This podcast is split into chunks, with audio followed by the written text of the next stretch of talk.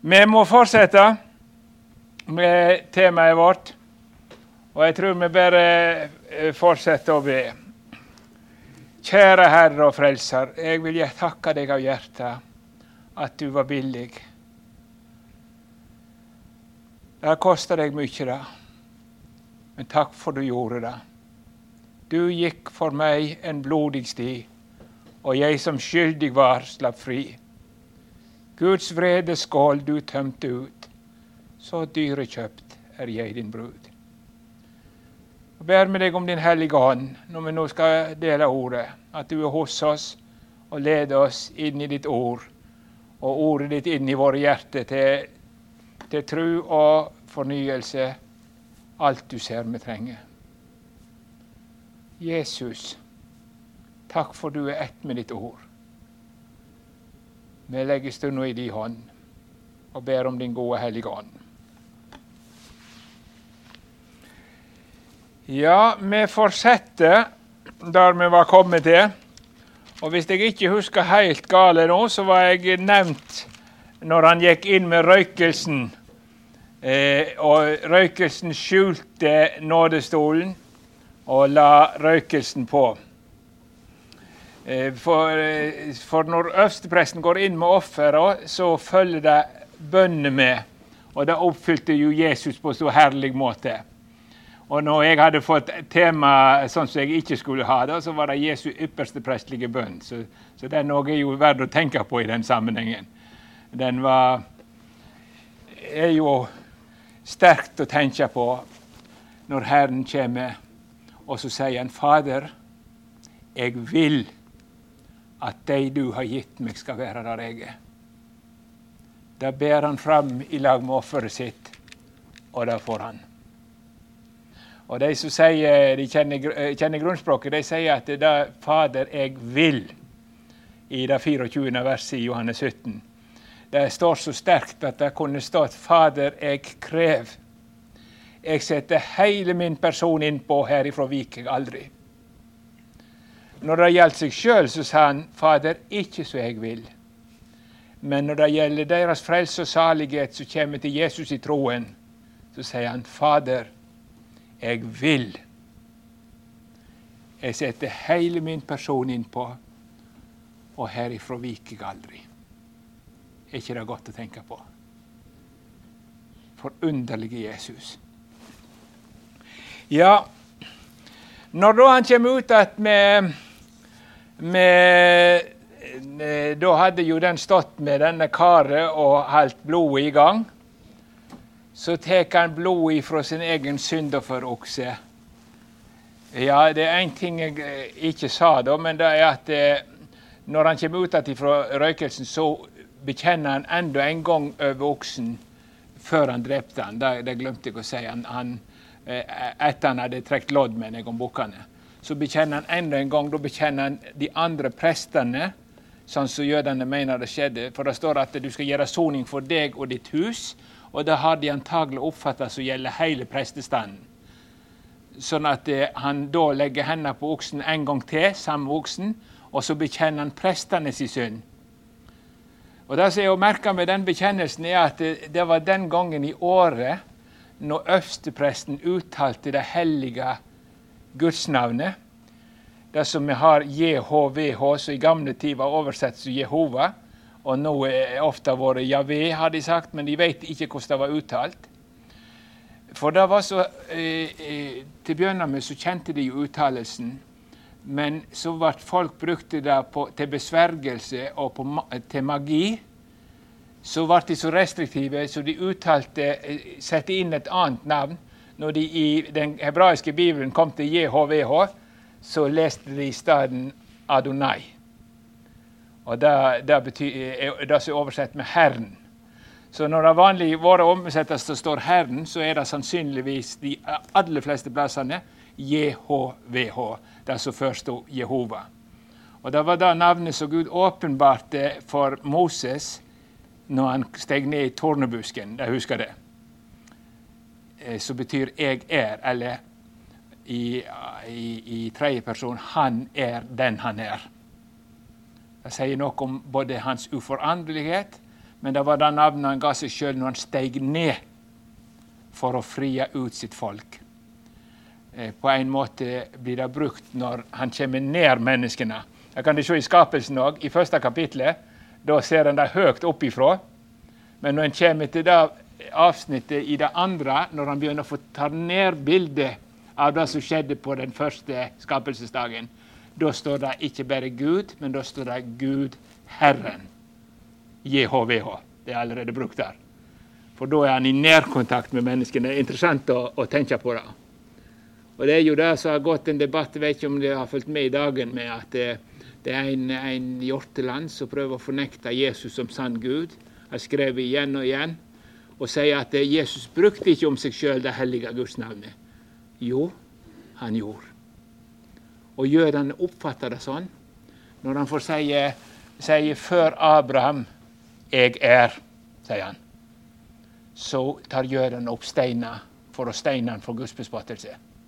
De forstår. Han sier mer om seg sjøl enn det mennesket kan si. Vel, men det, uttalen av det ordet det visste til slutt bare øverstepresten, og det gikk i arv fra øversteprest til øversteprest.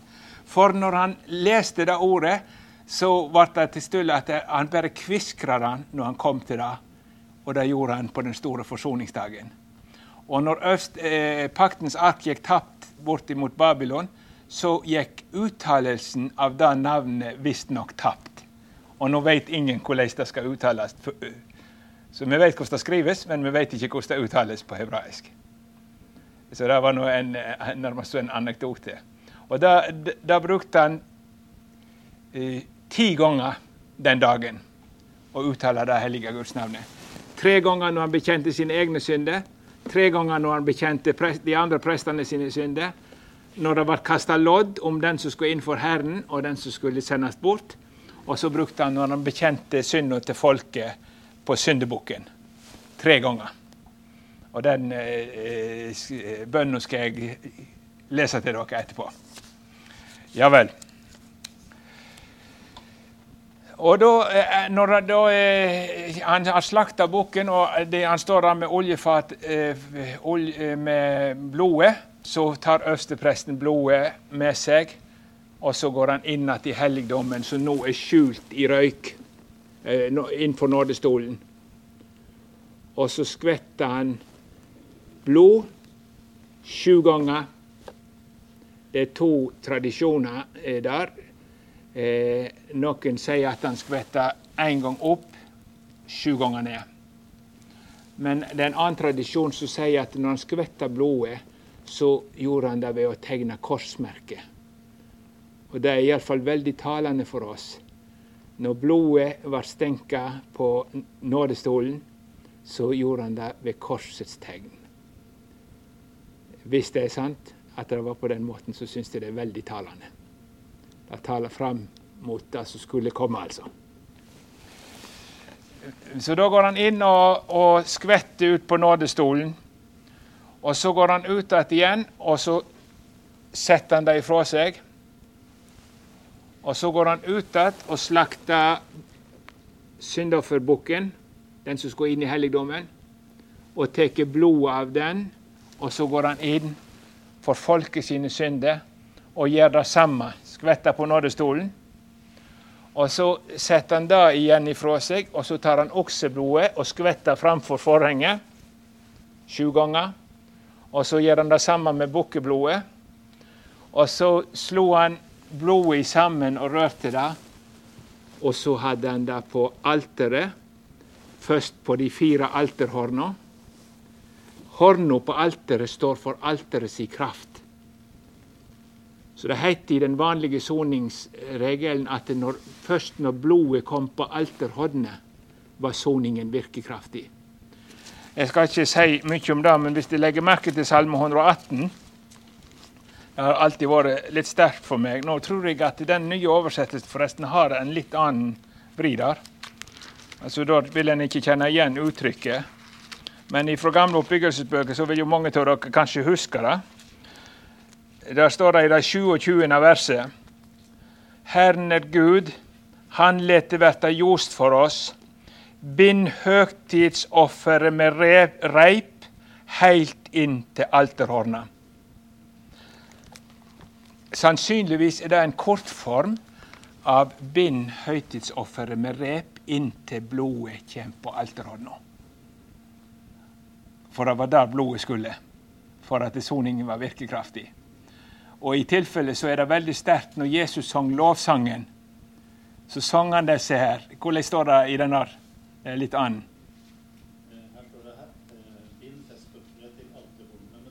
Ja, så det, det, er det samme, men antagelig er det en kortform av 'inntil blodet kommer til alterhånden, altså.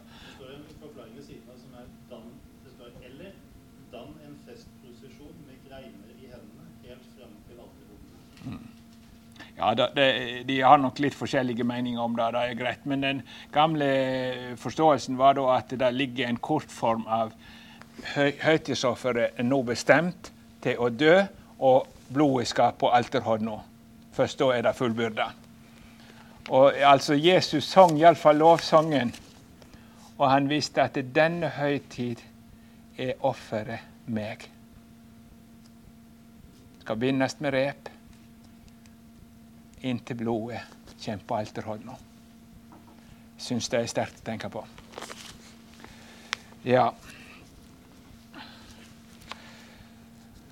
Eh, så tar, tar han og altså smører blod på de fire alterhornene, og så stenker han det sju ganger opp på alteret. Og så går han ut igjen med resten av blodet og tømmer det ned ved foten på brennofferalteret. Det var en innordning på brennofferalteret som samla blodet sånn at det rann inn i en nærmest en beholder under alteret. Hvis dere har lest i åpenbaringsboken at det, det, står om jeg så de sjelene som var blitt halshogne for Jesu, Guds ord og Jesu vitnesbyrds skyld, lå under alteret. Det står det i sjette kapittel. Det er noen som kommer i, i hug den ordlyden. Det, står i, om den femte basun det er sjelene som roper til Gud. Hvor lenge varer det før du hevner blodet vårt på de som bor på jorda? Men om de står det at sjelene lå under alteret. Og det spiller på samme tankegangen. De som blir ofra for Jesus skyld, er i himmelen betrakta som et offer. Når de gir livet sitt, så gir de det så å si på alteret. Det samme språkbruken bruker Paulus når han skal i martyrdøden. 'Jeg blir alt ofra', sier han. Så han ser eh, martyrdøden som et offer ikke et soningsoffer, men et offer der da livet deres blir gitt for Herren. Og det taler til Guds hjerte, det kan du være sikker på. Eh, og, og, så lander blodet under alteret. Det er billedlig, altså. Eh, uttrykt at det er et offer. Så det var en oppsamlingsmåte, så derfor står det altså om under alteret. Det var bare en kommentar der. Ja. Og når han gjør det, så eh, har han til slutt eh, gjort soning for alteret der ute òg. Så da er hele helligdommen rensa. Og nå må jeg si litt om den åndelige betydningen eh, av de, dette som skal inn i helligdommen. Det er veldig talende. For eh, de hadde jo bønnealteret sitt der inne. De hadde gudstjenesta si. Alt sammen var ødelagt pga. synden. Synda hadde gjort alt ureint for Guds åsyn, og så måtte det renses. Synda måtte gjøres opp for Guds åsyn. De måtte renses, alteret måtte renses. Ellers var ikke det hjelp for Guds folk å leve med Gud lenger. Det var stengt. Og særlig da at det skulle inn på, det, på nådestolen eller på sonings... Eh, står det, hva står det uttrykket i, i den bibelen? Ja, det, jeg har ikke det i teksten her. Da. Ja, ja, det står kanskje Jo da, der står det jo at han skvetter på Ja, for nådestolen står det her i slutten på vers 15, f.eks. Siste ordet.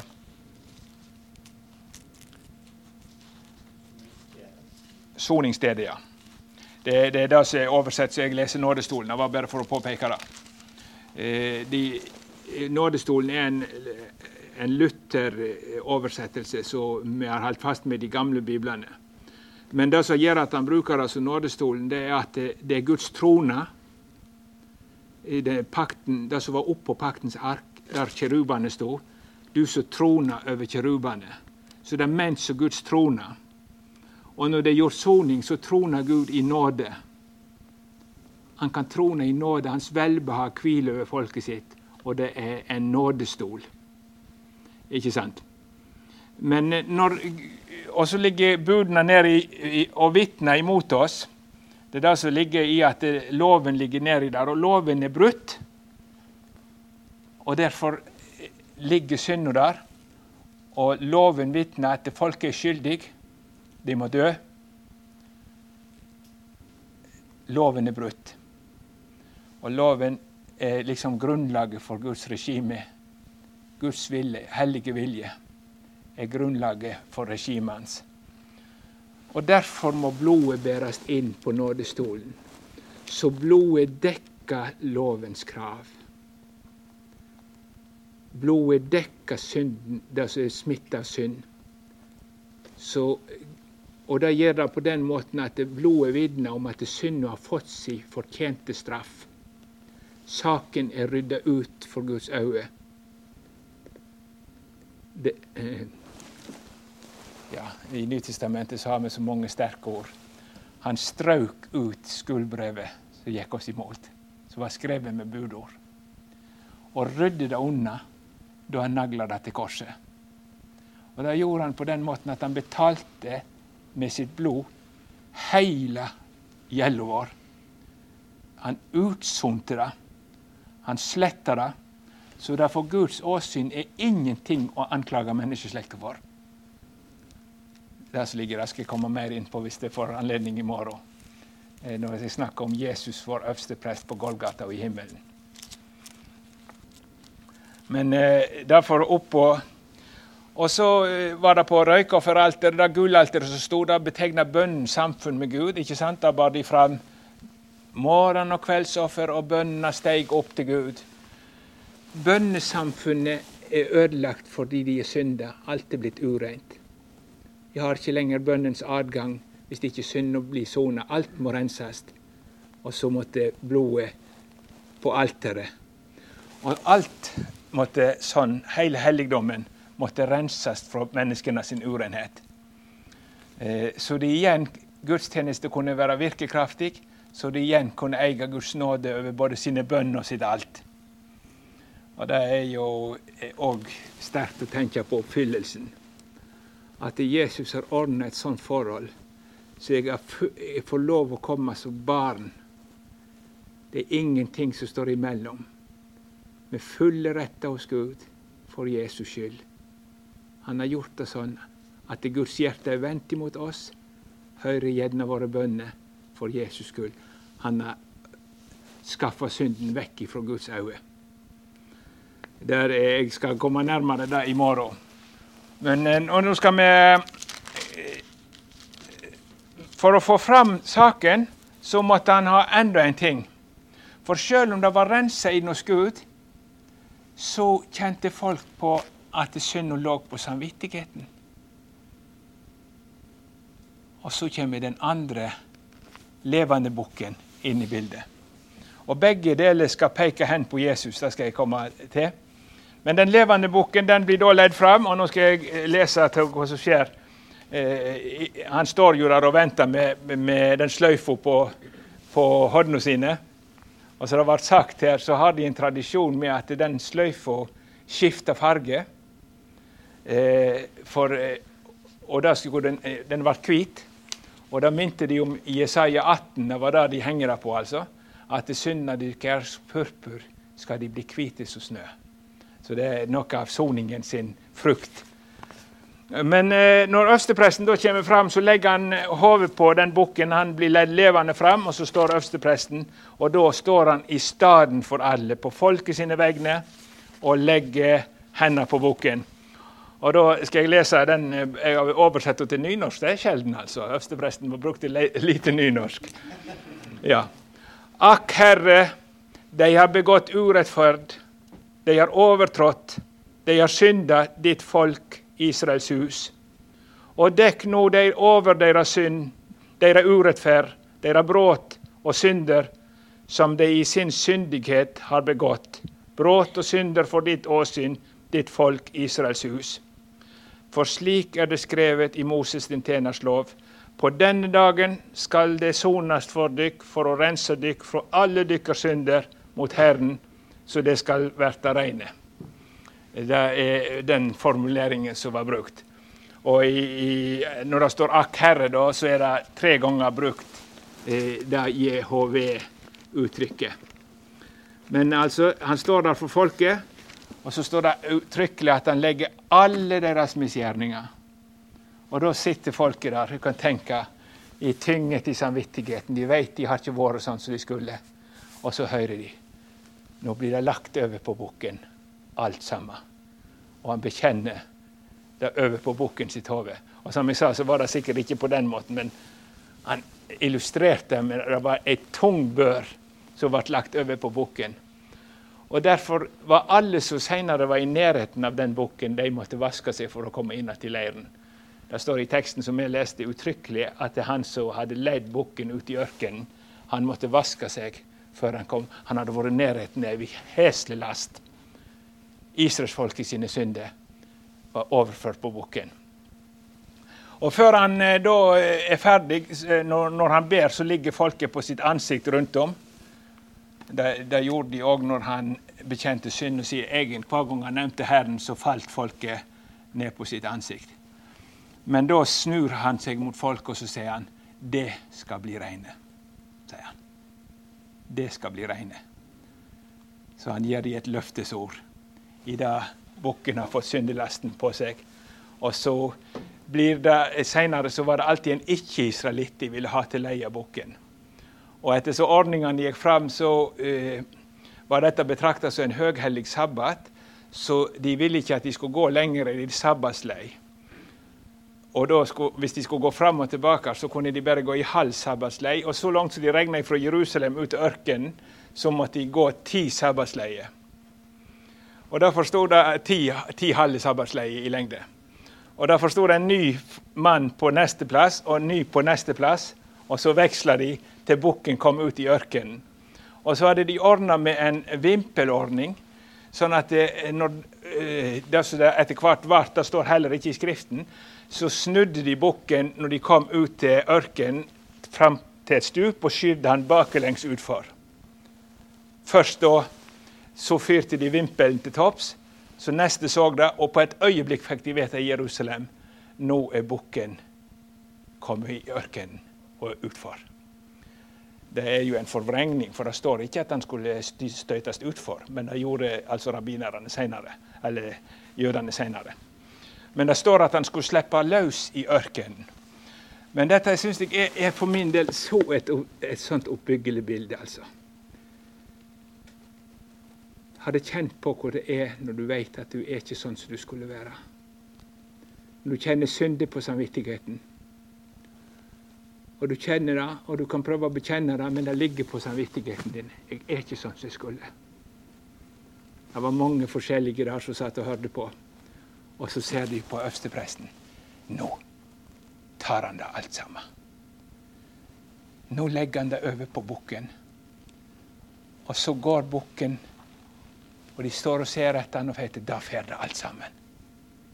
Ut i ødemarken. Til slutt blir bukken borte fra deres øyne. Og så kunne Israel senere synge så langt som øst er ifra vest, lar han våre misgjerninger være borte fra oss bukken bar de bort. Men hvorfor skulle han ikke dø?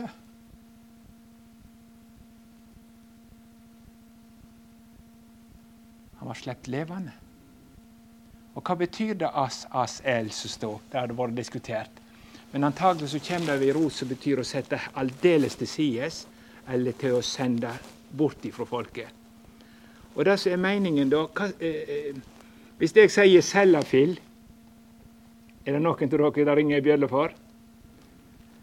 Det var snakk om hva de skulle gjøre ved det livsfarlige atomavfallet. Nå er vi borti det igjen. De er redde for det skal komme skje noe med Tsjernobyl eller noen av disse kraftverkene, for det er noe giftig avfall. Det var så farlig om noen kom borti syndene igjen. Men de måtte iallfall enn så lenge legge de på lager. langt borti fra folket. Men bukken kunne ikke ta de bort. Han bar de bare sinnsbillig bort fra folket så de lå på lager en plass på en øde plass. Men fjerna var det ikke. Bukken kunne ikke fjerne. Og her er det det viser tydelig hvor ufullkomment den gamle pakten var. Det er umulig at bukker og okser kan ta bort syndet. Og Derfor kunne de bare enn så lenge helle det bort ifra folket, men de kunne ikke virkelig fjerne det. Så der ute i ørkenen, der ligger det alt sammen enn så lenge. Og Derfor er det så stort når Kristus kommer. Da skjer det fullkomne. Og når Johannes da vitner, da sier han ikke bukk, men han sier 'sjå der Guds lam' så ber. Og det uttrykket på hebraisk betyr både løfte på sine skuldre og fjerne. På nynorsk hadde de før i tida oversatt 'tek bort verdens synd'. Men det skal være begge deler, altså. Ber og fjerne. Se der Guds lam som ber bort verdens skyld. Bukken kunne ikke. Det var der alt sammen. Men enn så lenge kunne han fjerne det fra folket, på en måte, da. Men når Kristus kom, så tar han all verdens synd, og så fjerner han den med å fullkommen opp, fullkommen bot, sånn at det ikke lenger fins for Guds åsyn. Du tar bort verdens synd. Og dermed så vant han en fullkommen forlatelse for hele verden. Så ferdig at når den bortkomne sønnen, det er bildet som jeg kjenner godt til, kom hjem, så hang drakten fullkommen ren ferdig til han. Det lå og venta alt sammen. Jeg syns det er så stort å tenke på. Men eh, så ser jeg, og det kunne vi tenke på i påsken La meg nå se når lammet tar synden og bærer det bort inn til Golgata og inn til Jesus dør. Det skal jeg òg med borti i morgen. Da river Gud skilleveggen i to i tempelet. Nå er det fullkomment gjenoppretta. Nå er en ny og levende vei åpna for alminnelig ferdsel. Eh, Se der Guds lam som tar bort verdens synd. Det er den fullkomne oppfyllelsen. Og jeg tror det er nettopp det som ligger i det, at det, han bar det bare ut til ubebodd land, bort ifra folket, inntil det fullkomne kom, og han kunne fjerne det på fullkommen vis. Så i, i disse fine bildene så ligger det òg at det var ikke fullkomment. Det, det var bare et forbilde inntil han kom. Så er oppfyllelsen av både øverstepresten og offeret soningsofferet, syndofferet. Og så fullkomment kunne oppfylle det i alle deler. Både fjerne det og dekke det for Guds åsyn, så Gud ikke ser det mer. Store, store Jesus. Ja, hvor langt er vi kommet på soningsdagen da? Ja. Jeg skal ikke si så voldsomt mye mer da når den er forsvunnet ut, og de får vite at bukken er fjerna til ubebodd land, så skifta øverstepresten tilbake til sin gylne skrud, den, den vanlige øversteprestdrakten. Og så ber han fram brennofferet. For da kan det folket som er rensa fra syndene, igjen innvies til å være Guds folk på ny på soningens grunn. Og så blir brennofferet båret fram så heter det da at han måtte skifte tilbake til disse linklærne en gang til. For når han var ferdig med det, så måtte han inn og hente karene, røykelseskaret, i det aller helligste. Ingen kunne gå inn der ellers.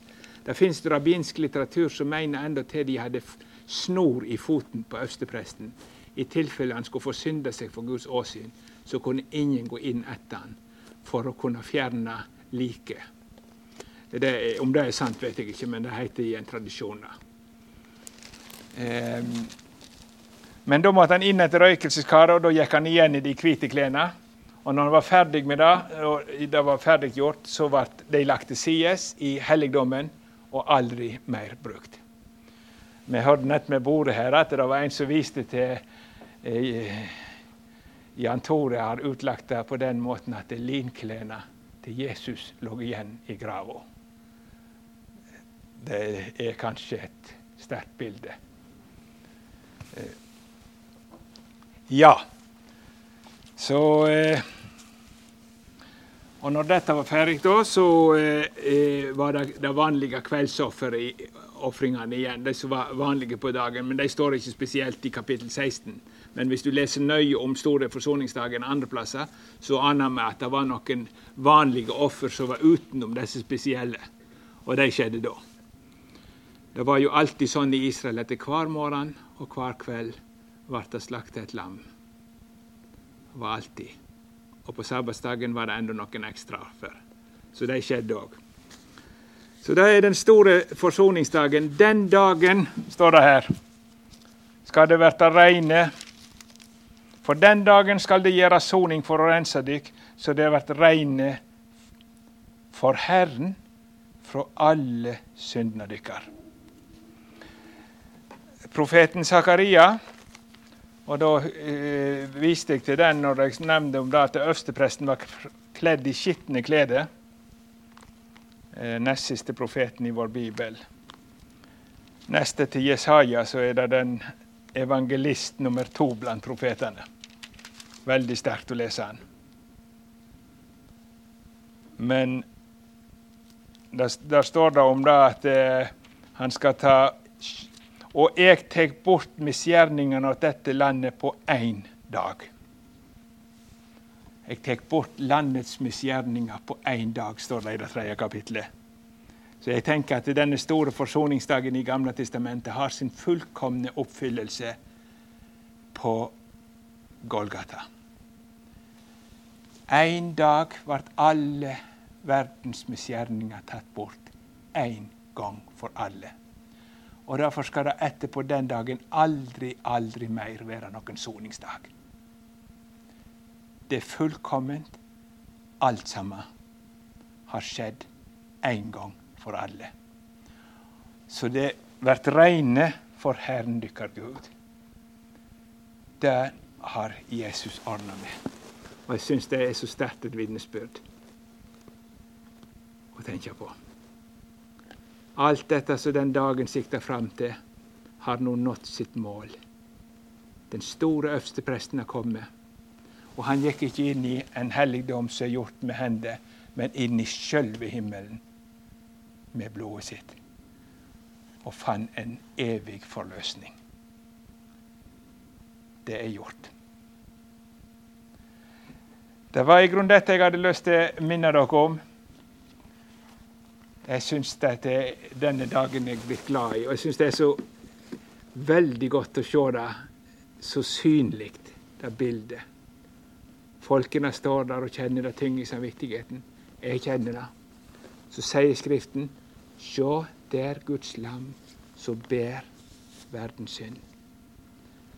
Så ligger det ikke på meg lenger. Synda vi var flytta og skifta eiermann. Og han tar den fullkomne konsekvensen av syndene og lir døden under Guds Det står beint fram han blir en forbannelse for oss. Forbanna er den som bryter loven, og han blir en forbannelse for oss. Og så står det Kristus kjøpte oss fri fra lovens forbannelse. Vi fikk livet, fikk de givet. Hva fikk han som har betalt? store, store Gud. Og Dette er det som er hovedsaken for Jesus. Han kom for å gi livet sitt som løsepenge. Den prisen som skulle betales for å få oss løs ifra synden og dommen og vreden. Og tilbake i Guds nåde. Ja.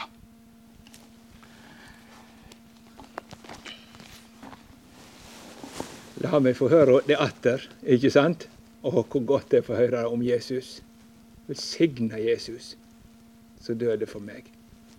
Jeg lærte en gang en sang som heter sånn Han døde for alle, da døde han også for meg. Da døden gjaldt all, eh, Han døde for alle, og så står det da videre at når døden gjaldt alle, er ingen igjen. Men alle er døde. Vi var i Han, og alle sine synder ble dømt på Golgata. Jeg var med, du var med. Og så hør det, da. Det var ditt, alt sammen. Kjære Jesus, vi takker deg. Takk for du var villig å dø i stad, min stad. Takk for du tok på deg å forhandle for oss. Og så skal vi få lov å overlate hele saken i dine hender. Og så skal vi få lov å være frelste ved dine gjerninger. Ved din død. Der har jeg livet funnet, selv er jeg intet verd. Hva Kristus meg har givet, gjør meg for Gud så kjær. Amen.